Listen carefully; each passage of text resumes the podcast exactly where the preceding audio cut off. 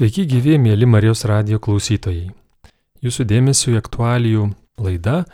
Šiandien joje kalbėsime su laidos viešne Vilniaus Marijos radio studijoje psichologe, šeimų ir porų konsultante Rasa Prašmuntienė, kuri domisi taip pat ir logoterapija. Ir būtent apie logoterapiją šioje laidoje kalbėsimės, susipažinsim su šia filosofijos, psichologijos, psichoterapijos sistema. Labadiena, gerbiam rasą. Labadiena. Taigi, galbūt mažai dar paplitusi ši, ši savoka, logoterapija, kiek teko domėtis, netgi būna ir sumaišoma su logopedija, tai visiškai skirtingi dalykai, tad šioje laidoje Tikimės klausytojams bus įdomu susipažinti su logoterapija. Pirmiausia, ką reiškia pati savoka logoterapija, kokia tai psichoterapijos rušis? Žodis logoterapija tai iš graikų kalbos e, reiškia žodis, tvarka, kelias, prasmė, kryptis, šauksmas, daug jo čia tokių išaiškinimų yra. Ir terapija, pats žodis reiškia slaugimas, gydimas. E, pradininkas e, logoterapijos yra austrų psichiatras, psichoterapeutas profesorius Viktoras Franklis. Ir pati logoterapija tai yra egzistencinės psichoterapijos kryptis, besiriminti į dvasinį žmogaus gyvenimo sferą, nagrinėjantį konkrečių gyvenimo įvykių prasme ir jos ieškojimą. Ir logos yra e, šiame kontekste įvardinama kaip prasmė. Taip pat dar galima rasti apibūdinimą tokį, kad e, logoterapija kaip į prasme orientuota konsultavimo terapijos forma. E, logoterapija kartu su, su egzistencinė psichoterapija priklauso tai vadinamai egzistenciniai humanistiniai psichoterapijos krypčiai ir dar logoterapija vadinama kaip trečiaja vienos psichoterapijos mokykla, tai yra po Freudo psichoanalizės ir Adlerio individualiosios psichologijos. Tai jeigu taip tiek trumpai kas sieja logoterapiją ir egzistencinę analizę? Na, logoterapija yra egzistencinės filosofijos, psichologijos ir psichoterapijos sistema, kuri padeda geriau žmogui pažinti savo dvasinę realybę, išvengti ir išeiti iš beprasmybės jausmo, taip vadinamo egzistencinės tuštumos, to vadinamo vakumo, kur nagrinėjamos konkrečios žmogaus problemos. Tai logoterapija siekiama padėti konkrečiam žmogui ieškoti gyvenimo praplės, tai yra praplėsti jo ir vertybių sistemą, siūlyti orientuotis į aukštesnės vertybės ir praktikoje egzistencinė psichologija susiduria su tokiais pamatiniais klausimais, tokiais neišvengiamais žmogaus egzistencijos klausimas, kas aš, kodėl aš ir tokiom, tokiomis egzistencinėmis dilemomis, kai tai yra mirtis, laisvė, atsiskirimas, beprasmiškumas, Tai yra va, tokios pagrindinės egzistencinės psichoterapijos temos. Tai, taip tiesiog tai jos tiek viena, tiek kita nagrinėja tą prasmingą egzistavimo e, žmogaus e, sąlygas, prielaidas ir, ir tai yra tiesiog e, pati logoterapija, tai, kaip pasakyti, tos egzistencinės psichoterapijos kaip ir kryptis ir logoterapija kaip metodas taikomas. Tai tai reiškia, kad e, ji yra naudojama kaip, kaip tai tokiais atvejais, kai na, blokuojama, pavyzdžiui, jeigu yra psichologinės lygos sunkumai, tai va, iš tos plotmės, iš tos pozicijos tokios. E, paminėjote logoterapijos pradininką Viktorą Franklį. Galbūt galėtume plačiau apie šį asmenį ir, ir jo istoriją pateikti plačiau. Iš tiesų, e, Viktoras Franklis gimė 1905 metais, kovo 26 dieną, kaip tik va kovo 26 dieną mes minėsime 118 metų nuo jo gimimo. Tai jis yra logoterapijos kuriejas, vienos universiteto Austrijos neurologijos ir psichiatrijos profesorius, psichoterapeutas, pasaulinio garso mąstytojas, humanistas. Jis e, buvo 29 net universitetų garbės daktaras, pasaulinio garso mm, mąstytojas, humanistas, parašęs net 32 knygas ir e, jo pati terapija buvo sukurta remiantis jo paties e, gyvenimo patirtim. E, jis kaip paauglystėje jis domėjosi ir Freudo, ir Adlerio darbais, jau būdamas 15 metų skaito paskaitas vieno jaunimo klubuose, kur kalba apie laisvę, atsakomybės filosofiją. 26 metais jis e, nusivylęs klasikinės psichoanalizės propaguojama seksualinės energijos išaukštinimu prisijungė prie Adlerio ir dar studijuodamas mediciną Vilniaus, atsiprašau, Vienos universitete, Franklis susirūpino e, sunkiai auklėjamojo jaunimo padėtim, jo interesų srityje atsiranda bėgantis iš namų, pažeidžiantis įstatymus, besižudantis vaikinai ir merginos. Jis organizuoja anoniminius nemokamus psichologijos pagalbos centrus. Ir 30 metais gavęs daktaro laipsnį Franklis iki 38 metų dirba vienos neuropsichologijos klinikoje, kur gydo neurozės, fobijas, įkyrias būsenas. Taip pat jis tuo pačiu ir atitolsta nuo Freudo, Adlerio idėjų ir ieško savo kelio, suvokdamas, jog į žmogų negalima žvelgti kaip į, vien kaip fiziologinių ir socialinių tokių aspektų ir jis ima kurti savo logoterapijos sistemą, jos centre pastatydamas svarbiausią žmogaus motivuojančią jėgą, tai prasmės siekimą. Tačiau 38 metais nacistinė Vokietija okupavus Austriją, Franklio gyvenime prasideda naujas etapas. Jis tampa, kaip sakoma, šešiakampė žvaigždė pažymėto asmeniu ir daugelis žydų tautybės asmenų, kaip ir jis galvoja apie migraciją ir teikia prašymą JAF ambasadai gauti vizai. Tačiau jam, e, jis buvo tikintis žmogus ir jam nebuvo taip paprasta apsispręsti, staiga viską palikti, mesti ir jis ėmė ieškoti ženklų savo apsisprendimui. Mm, ir tai sapnas, tai tiesiog malda, tam tikri ženklai, e, kurių vienas iš paskutinių buvo, kai jis sugrįžo namo ar tėvas sėdėdamas verkė ir sakė, kad va, Viktorai mūsų sinagogą sugriovė ir rankoje laikė akmenį, tą tokį e, fragmentą iš toros, e, kuriuome buvo viena raidė ir e, prasideda juo priesaikas gerb tėvą ir motiną. Ir tai buvo jam ženklas, kaip apsispręsti likti ir tai turėjo vat, įtakos jo likimui ir jis atsisako vykti į, atsisako vizos išvykti ir tuo pačiu jis pasirenka, pademonstruoja, kaip jis pasirenka meilę, atsidavimą šeimai, draugams, tautiečiams, o vėliau ir likimo broliams koncentracijos, koncentracijos stovykloje, į kurią buvo išvežtas.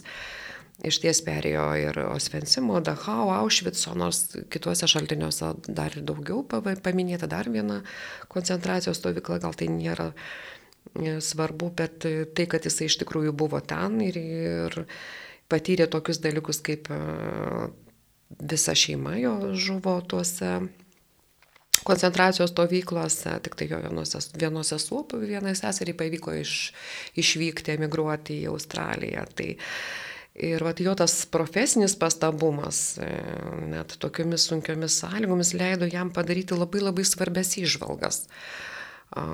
Kaip jis pastebėjo, kaip vienodose sąlygose žmonės elgesi, kaip, kaip gyvuliai, kiti kaip šventieji.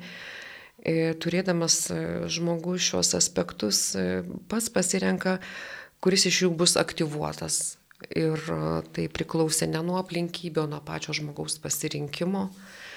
Ir pastebėjau, kad įkalintieji praranda norą gyventi ir nemato prasmės, kai, kai nematantis prasmės, miršta neužilgo pakliuvę į tą koncentracijos stovyklą ir dėl jų pačios vidinės kapitulacijos. Organizmas silpsta ir jie žūsta nuo lygų, infekcijų, nuo bado ir atvirkščiai. Šansą išgyventi turėjo tik tie įkalintieji, kurie na, turėjo mm, tokį tikėjimą, e, kad šių kančių laikinumas, turėjo vilti išsilaisvinti ir pamatyti savo artimuosius. Kiekvienas iš jų turėjo tikslą. Tai pats Franklis savo trimetį įkalinimą išgyveno, išgyveno dėl vilties, po išsilaisvinimo atstatyti savo pirmąją knygą. Sielogida, šiaip verčiama kaip gydytojas ir siela, bet na, kurią nacistai konfiskavo ir jisai, sėdėdamas koncentracijos stovyklai, būdamas koncentracijos stovyklai, mm, nuosekliai, nuodugniai bandė ją rašyti, atstatyti iš atminties ant tiesiog kažkokių skiautelių ir slėpė savo apseustą. Ir pasibaigus e, karui Franklis pasinėrė į profesinį darbą, rašo knygas, skaito paskaitas. Ir 70 metais San Diego universitete buvo įkūriama pirmoji logoterapijos katedra ir mokslininkas buvo labai aktyvus, nežiūrint į jo amžių, jaunatviškas, guvus, net 67 metų išmoksta valdyti lėktuvą. Ir, ir, ir taip pat gal dar galėčiau pasakyti, kad lietuvių kalba jo knygas galima uh, mm, tikrai rasti tai vat, e, sielogida, e, taip pat e, savo minčių kaliniai ir turbūt ta, ta tokia pirmoji pamatinė knyga, kurią visi tikrai turbūt ko gero yra skaitę, tai yra a, Žmogus ieško prasmės. Tai va tie tokie, nu labai a, tikrai prieinami, prieinami. Mhm prieinamos knygos, kurias gali žmonės pasiskaityti ir pasidomėti truputėlį daugiau. Taip, iš tiesų yra iš, išverstų knygų į lietuvių kalbą, tačiau pats metodas logoterapija Lietuvoje dar nelabai girdėtas, nelabai pažįstamas, kodėl taip yra ir kaip yra užsienyje. Na, žinot, tikrai tų e, krypčių yra labai daug ir nėra nei vienos krypties, nei vienos psichoterapijos, kuri būtų išsamei iki galo ir atsakytų į visus keliamus terapijos metu klausimus. Tai, tai e, šis metodas jau pradeda būti populiarus, turbūt ko gero e, galime pasidžiaugti, nes lietuvių logoterapeutai nėra ruošiami. Jo, jie yra ruošiami užsienyje Ir um, šiuo metu e, tikrai galima rasti internete, pasitikslinti, pasidomėti tiksliau. Yra studijos, kurios yra mm, vadinamos e, logoterapija ir egzistencinės analizės studijos. Tai tikrai tos informacijos galima rasti, e, tikrai yra grupės, tikrai yra atsiliepimai, puikūs žmonės tikrai patenkinti ir, Ir, ir tai tiesiog, na, tokia, nu, nu, žengia pirmus žingsnius Lietuvoje ir manau, kad tai tikrai atras dar savo nišą ir savo vietą mūsų, mūsų padangė, kaip sakoma. O kokie yra pagrindiniai logoterapijos principai, nežinau, metodai, kaip tai veikia? Tai galima išskirti tris tokius pagrindinius principus, e, kuriuos vat, galėčiau įvardinti ir tiesiog paskiau truputėlį praplėsiu kitaip. E, gyvenimas, e, pirmas principas tai galima būtų įvardyti kaip besąlygiškai prasmingas. Gyvenimas yra besąlygiškai prasmingas. Antras principas yra kiekvienam žmogui būdingas prasmės siekimas, kuris yra svarbiausias jo gyvenimo variklis, kaip motivuojanti jėga. Ir kiekvienas žmogus yra laisvas pasinaudoti tą galimybę, atrasti prasme ar ne.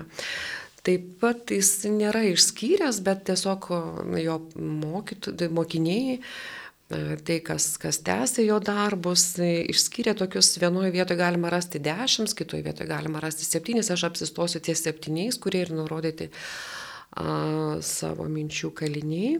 Tai septyni tokie principai, kuriuos aš dabar išvardinsiu, ir jie tikrai yra labai gražiai aprašyti knygoje su pavyzdžiais. Kiekvienas principas turi savo skyrių, kuriame galima tikrai atrasti labai gražius paaiškinimus, kad galima būtų juos e, labiau suprasti, nes tai pavadinimai kartais žmonėms yra painus.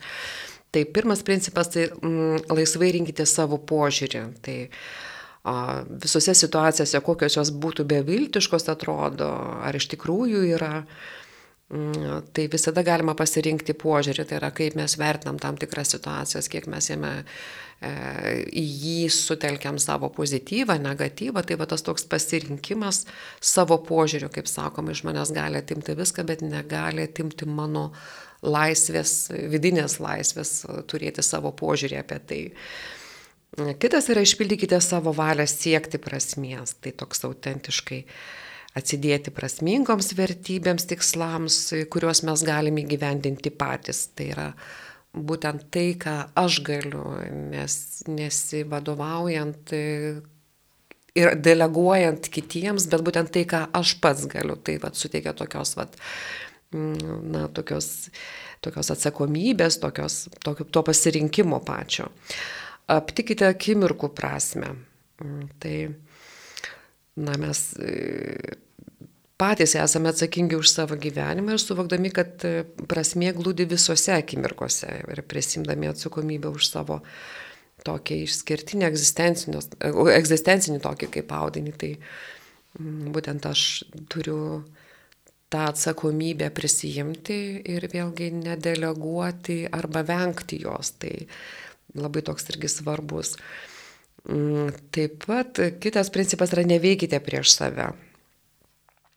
Tai čia yra daugiau apie tai, kad nesusitelkim vien į ketinimus ar padarinius, kad na, mūsų veiksmai neprieštarautų siekiamam rezultatui. Tai kaip ir minėjau, kad tiesiog dėl laikos to ko čia labai nesiplėtoti, bet tikrai toje knygoje galima labai aiškiai rasti gražius pavyzdžius, kurie tikrai labai išsamei atsako ir labai duoda tokį aišku supratimą šitų tokių vat, trumpų tezių.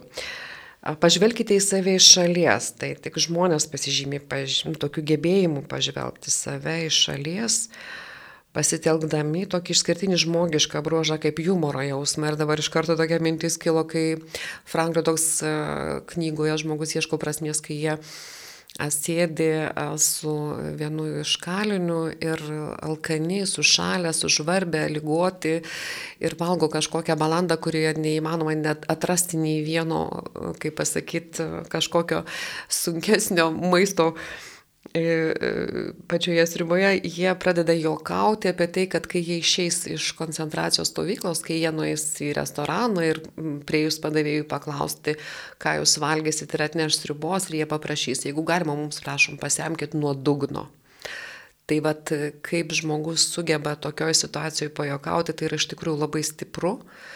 Ir tai tikrai tas vat, humoro jausmas kartais iš tikrųjų uh, leidžia truputėlį atitrūkti nuo tos tokios, tokios tikrai sunkios situacijos, kurioje tu tiesiog tikrai jauti tą beviltiškumą ir, ir vat, kaip save truputėlį patausoti. Ir peržinkit per save,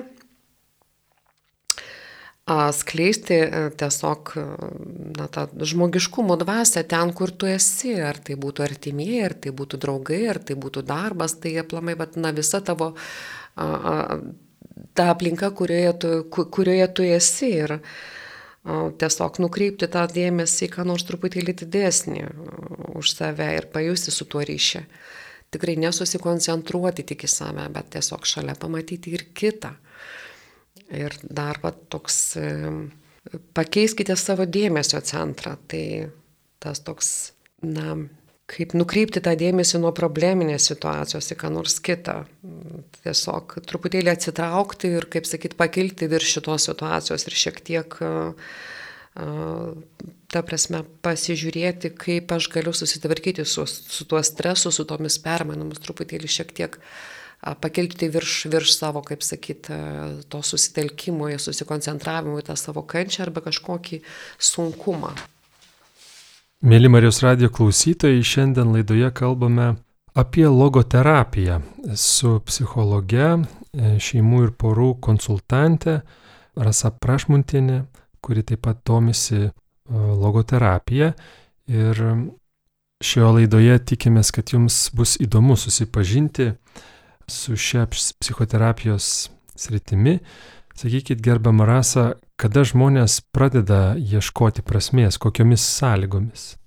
Na, tai kažkaip vat, norėtųsi iš karto taip mintis kilo su tokiu pavyzdžiu, kad žmogus kaip tas laivas, vat, žmogaus gyvenimas kaip laivas vandeninė iš tikrųjų ir jis blaškomas vėjų, audrų ar tiesiog saulėta graži diena, lovas, laivas tiesiog plūduriuoja, bet na, jis vis tiek turi turėti tikslą, krypti, kur link jam plaukti. Ir a, kai yra aiškiai kryptis, tu įveikdamas sunkumus per įvairiausias išbandymus, tu plauki link savo tikslo.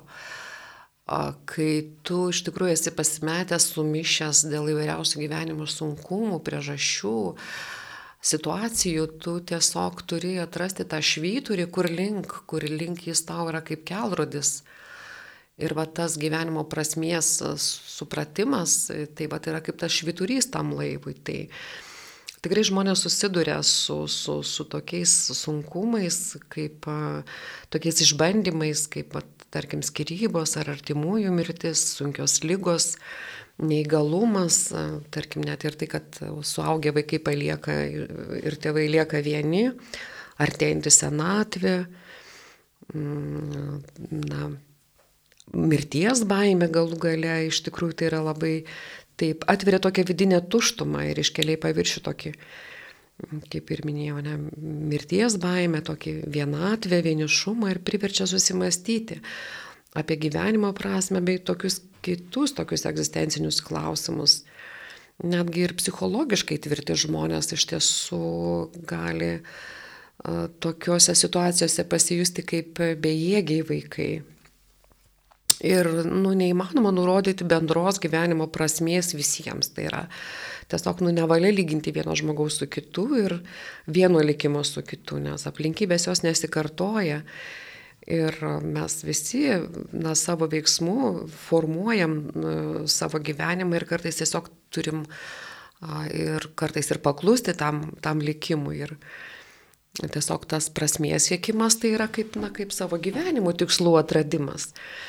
Ir tarkim, bet žmonėms pradeda nykti tą prasmė, tai yra, kai žmogus tiesiog nesiekia toliau ir aukščiau ir jei žmogus nemato prasmės gyvenime, tai jis jaučia tuštumą, nuobodulį. Tai pat ir sukelia tas neurozės, priklausomybės, kurie dar vadinami tokie išoriniai ramščiai, kas iš tikrųjų va, ta tokia toks tuštuma, egzistencinis vakumas, kuris iš tikrųjų yra ir dažnas savižudybės, depresijos, priklausomybių priežastis. Ir va, tai va, na, tokie va, iššūkiai ir sunkumai, kuriuos mums skatina priimti kaip gyvenimo klausimus ta, pagal Franklį. Ir e, kurie mums na, tiesiog gyvenime yra užduodami ir mes turime juos atsakyti kiekvienas e, na, žmogus gyvenime gauna tų klausimų ir jis juos turi atsakyti, prisimdamas atsakomybę už savo gyvenimą ir tiesiog stoti į akistatą su tuo klausimu, nesislėpti, neignoruoti, bet e, mm, tiesiog, tai yra, vat, nu, tiesiog tai yra jo tokia egzistencinė prasme, tai yra jo atsakomybė. Ir jeigu dar mes turime šiek tiek, tiesiog aš pavoksiu šiek tiek laiko ir labai noriu tokį mm, paskaityti prie šitų va, tokių klausimų tokį gražų e, e, tokį pasakojimą, nepasakojimą, kaip jį pavadinti. Dievas tarsi matematikos mokytojas, kuris užduoda mokiniams sunku uždavinį ir išeina iš klasės. Visi puola skaičiuoti, rasti atsakymo niekam nepavyksta. Kai kurie praranda pasitikėjimą ir sako, šio uždavinio išspręsti neįmanoma, matematikos mokytojas blogas. Kiti ima suvokti, jog uždavinį neišspręs, jei naudosi senomis formulėmis. Jie turi ištis, iš, išrasti naujas. Tarp šių mokinių yra ir tokių, kuriems net minčių neteina, kad mokytojas blogas. Jie tvirtai įsitikinę, kad mokytojas mums davė uždavinį ir jis tiki, jog mes jį galime išspręsti. Jis nori, kad mes žengtume naujų kelių. Mes irgi galime sakyti, Dievas sudėtingas, tačiau neblogas. Jis mums davė sunku uždavinį, kuris vis dėlto nėra neišsprendžiamas. Tik sprendimo turime ieškoti žengdami naujų kelių. Jis žino, kad mes tai galime. Tai, va, tai tiesiog tas pasirinkimas ir netgi pasirinkimo nebuvimas yra mūsų pasirinkimas. E, tai e, iš tikrųjų dar tiesiog pridurti, kad e, Na, tiesiog ir tada klausimas, o kas iš tikrųjų mums trukdo, na, ieškoti tos, kur, kur tas, tas mūsų gebėjimas ir, ir, ir už, kodėl aš nekovoju už tai. Tai vad, kas trukdo, ar pasitikėjimas, ar baimės, ar priklausomybė nuo a, kitų nuomonės, tai va tiesiog atrasti tuos veiksnius ir, ir atrasti save, pažinti save. Kaip prasmės ieškojimas susijęs su dvasingumu, su Dievo veikimu žmogaus gyvenime? Tai iš ties, kaip pasakyti, vieni žmonės ieško psichologo pagalbos, kiti kreipiasi į dvasininkus, tai vad kaip čia atskirti ir nesupainioti. Tų dalykų jie visada yra liktai kaip ir šalia ir tiek vienas, tiek kitas e, tikrai ne, žmonėms suteikia galimybę gauti pagalbą. Tai Franklis e, kalba apie asmenybės dvasingumą, apie žmogaus orumą, vertybės, e, apie gebėjimą atpažinti jas ir realizuoti tas galimybės ir mm, atrasti tas gyvenimiškas situacijas ir susipažinti su tom vertybėm, kurios žmogus stiprina, o nesilpnina. Tai tas dvasingumas tai yra šaltinis, kaip mums e, na, padedantis įprasminti ir paaiškinti savo tą tokią egzistenciją. Ir, Dažniausiai vat, psichologiniu požiūriu dvasingumas siejamas su tokia asmens vidinė harmonija, teigiamų santykių su pasauliu, toks laimės, gyvenimo prasmės pajauta, toks intensyvus artimo santykių patyrimas su savim, su kitais žmonėmis, gamta, aukščiausia būtimi gyvenimu ir na, krikščionybėje dvasingumas suprantamas kaip santykis su Dievu. Tai vat, kaip ir minėjau, kad jie yra lik ir atskirai, lik ir šalia vienas kito. Tas va toks atrasti resursus ir ta va viltis, suteikti žmogui viltį. Ir, na, vieni žmonės tiki, kiti netiki ir nėra nei vieni, nei kiti už kitus, vieni už kitus prastesni. Tad tikėjimas tai yra viltis, o viltis tai yra kryptis, kuri leidžia žmogui tiesiog uh, priimti tas negandas, susitvarkyti su stresu ir iš tikrųjų prisimenu, mm, vat mano mačiutė sakydavo, kad viskam, viskam Dievo valia. Tai tas toks, iš tikrųjų toks gražus savęs nuraminimas ir tai žmonėms padeda. Ir kiekvienas žmogus atranda savo kelią, savo. Tai vat, ir iš kitos pusės tai yra vat, tas tikėjimas, tai na, tie sunkumai greičiau, dažniausiai žmogui ir, ir, ir, ir žmogus ir atsigrėžia į Dievą ir jaučia tokią stiprybę religinėse, dvasinėse vertybėse ir na, tas toksai bendruomeniškumas, jis jaučiasi ne vienišas, e, tiesiog tas toks, e, na, e, na, tokia vidinė ramybė žmonės atranda. Tai, Iš tikrųjų, ir, pat, kaip sako, ir religingi, dvasingi žmonės jaučia to tokį didesnį pasitenkinimą gyvenimu ir tuos sunkumus ištveria lengviau. Ir vat, tai, vat, tai kalbama apie tą tokį tikėjimo daromą įtaką. Ir tai padeda iš tikrųjų na, būti tuose bendruomenėse ir tok, dalintis to tokiu prasmės pajūtimu, tokios bendrystės. Tai, bet tai nereiškia, kad mes turime pulti greitai ir, ir, ir tapti tokie religingi, arba staiga pulti kurti šeimas, bendruomenės, tai tiesiog, na, kiekvienas turi atrasti, atrasti pats iš tikrųjų tą svarbų savo tokį, savo svar, tokią kryptį ir, ir, ir pagalbą. Ir, vat, kaip pasakyti, tas objektas yra, na, jisai nėra taip svarbus, kaip svarbu tas pajūtimo jausmas. Nesvarbu kaip, bet svarbu kaip tu pradedi jaustis ir kur tu atrandi atramą. Kalbant apie logoterapiją, minima gyvenimo prasmė, prasmės paaiškos ir momento prasmė. Kaip tai susiję?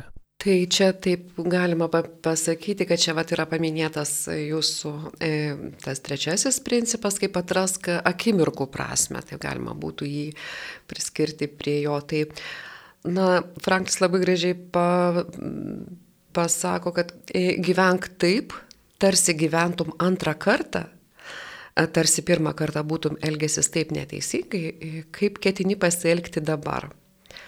Tai iš tikrųjų eina kalba apie samoningumą, atsakomybę už tai, ką darau.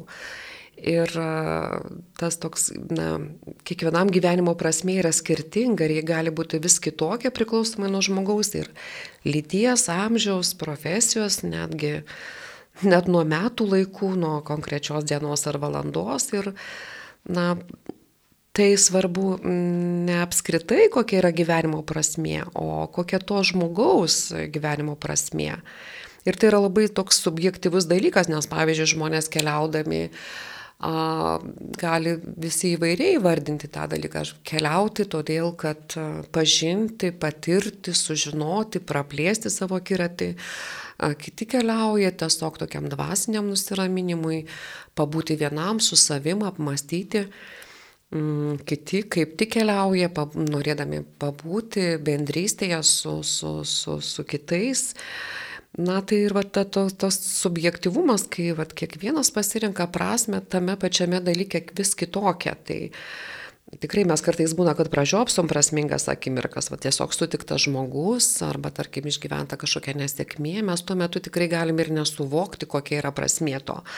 Bet praėjus keletui dienų, mėnesių ir net metų, tai, kas mums atrodė labai nereikšminga, pasirodo kaip kažkoks e, iš tikrųjų labai svarbus ir lemiamas gyvenime keičiantis momentas. Nors, na, ne visada mes galime ir pajusti, kaip jau minėjau, ir Franklis pasakytų, kad tai egzistuoja prasmė kiekvieną akimirką, kad ir ką beveiktum. Ir tai, ką darai, dėl ko tai darai ir kaip tai darai.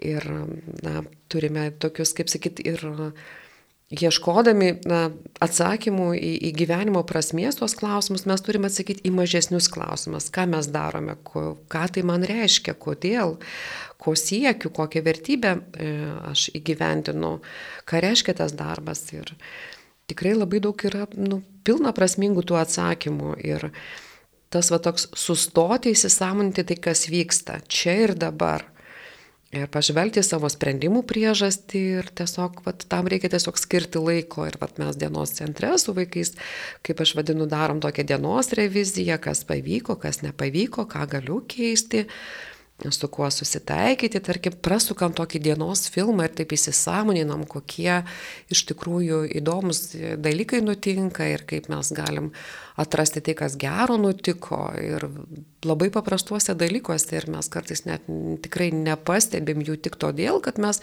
nestaptelim ir neapmastom ir neapgalvojam. Ir prasmė tai yra tokiuose tikrai labai kartais mažuose dalykuose. Ir labai svarbu atsakyti savo į tokį klausimą, ne kodėl aš čia atsidūriau, bet kokiu būdu. Tai vad labai svarbu savo atsakyti. Nekaltinti, kaip aš čia, kodėl čia man taip, o tiesiog kokiu būdu, kaip aš vat atsidūriau tokioje situacijoje. Ir, kaip pat minėjau knygoje savo minčių kaliniai, ten galima tikrai vat, atrasti e, tokių vat, įvairiausių e, klausimų, kurie vat, tiesiog gali ir vesti prie tokio samoningumo, uždavus, uždavus tau klausimas, tiesiog atrasti savo kažkokių išvalgų, pergalvojimo, permastymo, pastebėjimo. Tai yra labai toks, vat, nu, toks pasipraktikavimas, tai yra darbas su savim. Logoterapija padeda rasti prasme. Kaip rasti prasme kasdienybėje, kai dinksta gyvenimo džiaugsmas, darbe, moksle, šeimoje? Na tai, bet tai iš tikrųjų e, dinksta, tai e, vadinasi gera žinia, kad ji buvo. Tai čia pirma gera žinia. E, vėlgi, na, na, tiesiog galima kalbėti apie tai, kad nėra universalaus atsakymų ir tai labai labai individualu.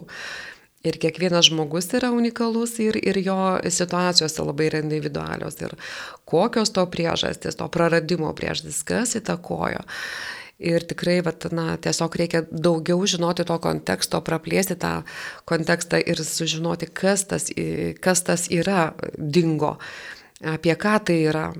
Ar tai tiesiog žmogus gali būti perdegęs, nuovargis, gal jam tiesiog reikia palsėti, galbūt jam tiesiog reikia kažką keisti ar jis nori keisti, ar jis e, turi na, kažkokių blokuojančių dalykų, kurių, kurių, kurių jis neišdrįsta, tai va, tiesiog tai tikrai va, kiekvienam žmogui yra individualu ir, kaip pasakyti, e, psichologai receptų nedalina. Jie tiesiog bando žmogų prakalbinti ir privesti jį prie pačio apsisprendimo, prie pačio sprendimo prieimimo. Ir tarkim, mes na, dirbam nemėgstamą darbą ir mes galime sakyti, aš nenoriu to darbo dirbti, bet jis man gelbėja, mm, sakykime, susimokėti, įsipareigojimai yra finansiniai ir aš tiesiog turiu tada savo pasakyti, aš tą darbą dirbu todėl, kad tai man padeda išspręsti daug sunkesnę problemą ir tai nėra amžinai ir visam gyvenimui. Tai tas toks gebėjimas ir prisitaikyti ir susitaikyti su kai, kai kuriais dalykais ir leidžia truputėlį šiek tiek ramiau išgyventi tą, na, sakykime, visai ir galbūt ne, ne visai malonę. Tarp, taip pat ir su mokslais, ar tai yra sunkus apsisprendimas, kokią profesiją pasirinkti, ar tai yra pačio pasimestimas, ar tai yra spaudimas iš tėvų.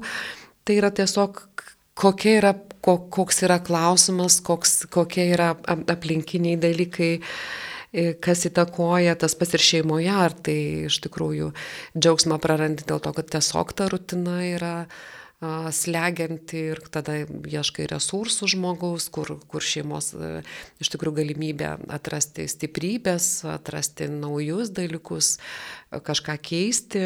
Tai va tiesiog, na, būti čia ir dabar, tai yra kaip sako, praeities, praeitis jau buvo, ateities dar tokia neaiški miglota, o būti čia ir dabar tai kas kuria rytojų. Tai pasirūpinti tiesiog savo poreikiais, fizinė, psichinė sveikata, kaip sakyt, polisis, geras miegas, kam, kam meditacija, kam fizinis krūvis, kam rašymas, kam piešimas, kam muzika, kam malda, kam naujos veiklos, e, susitikimai su draugais kiekvienam skirtingai negali sakyti, dabar tu eik pasportuok, o žmogus iš tikrųjų yra tokioje būsenoje, kad jisai pajudėti negali. Tai, tai yra labai, na tiesiog reikia labai būti pagarbiu žmogaus problemai ir sunkumams. Laidai jau artėjant prie pabaigos, įdomu paklausti, ar logoterapija yra tik psichologų įrankis, ar jos principais gali naudotis gydytojai, sociologai, mokytojai, kitų profesijų atstovai? E, tai žinoma, e, tikrai e, šie mokymai važiuoja gydytojai netgi į, į, į, į, į, į, į užsienį, sakykime, į, į tokius vat, ir kursus, ir mokymus. O dabar, kaip aš sakau, žengia jau Lietuva ir pas mus jau vyksta tam tikri užsiemimai. Tai, e, tai skirta ir psichologams, psichoterapeutams, ir psichiatrams, medikams, švietimo darbuotojams, socialiniams darbuotojams taip pat dirbantiems su, ne, priklausom, su priklausomais žmonėmis ar su jų artimaisiais. Ir, ypatingai iš tikrųjų labai svarbu ir dirbantiems hospisuose, kur iš tikrųjų palydimi žmonės į, į, į, į, į tą, kaip sakyti, išėjimą e, personalo specialistams, e, tobulėjimo asmens treneriams, na, plamai, kurie domisi ir psichologija, ir saviugda. Ir tai yra tiesiog kelrodžiai, kurie tiesiog yra pagalba, kuri, kuri tikrai suteikia tokios šiek tiek kitokio matymo ir, netgi pačiam savo e, suprasti, kiek yra prasminga tai, ką aš darau. Netgi tai gali iš tikrųjų atsakyti, na, sustiprinti tavo tokį dvasinę stiprybę įduoti. Ir paskutinis klausimas tikriausiai, kur patartumėt kreipti žmonėms? Sakėt, kad Lietuvoje logoterapeutai nėra ruošiami, užsienyje žmonės mokosi. Jeigu šį, šią sistemą norėtų išbandyti, mano, kad tinkama būtų jų situacijoje, kur žmonės turėtų kreiptis, ieškoti. Iš tikrųjų, susidūrus su sunkumais, e, žmonės tikrai e, turi daug pagalbos, tai kas e, dirba krizių centruose, iš tikrųjų jie dirba, suteikia pagalbos, tai yra traumų psichologija, tai yra terapinės, grupinės terapijos, Tai yra tikrai vat, tas toks, na, pagalbos, tos paramos suteikimas. Patys, patys šie, na, tokie, vat, kaip aš sakau, logoterapeuto, kaip ir tokio, na, pas mus dar Lietuvoje nėra, bet tikrai galima surasti galimybę pačiam iš tikrųjų labai daug domėtis ir kiekviena, na, psichoterapijos kryptis vis tiek vienaip ar kitaip jinai nagrinėja žmogaus tą tokį pasirinkimą, tą išeimą iš to sustingimo, iš to tokio judesio, tai tikrai negalima sakyti, kad logoterapija tai yra ta panacėja, kurią vat, reiktų tiesiog vat, laikyti kaip išsigelbėjimą tam tikros uh, tikrai visos, visos terapijos, visos turi tam tikrus įrankius ir metodus, kaip žmogui padėti. Tai tikrai nemanyčiau, kad jeigu nėra šiuo metu Lietuvoje logoterapeutų, tu negalėtum gauti pagalbos. Ačiū Jums gerbiama Rasa už tai, kad pristatėte logoterapiją šioje laidoje. Mėly klausytojai, psichologė, šeimų ir porų konsultantė Rasa Prašmuntienė dalyvavo šiandien laidoje.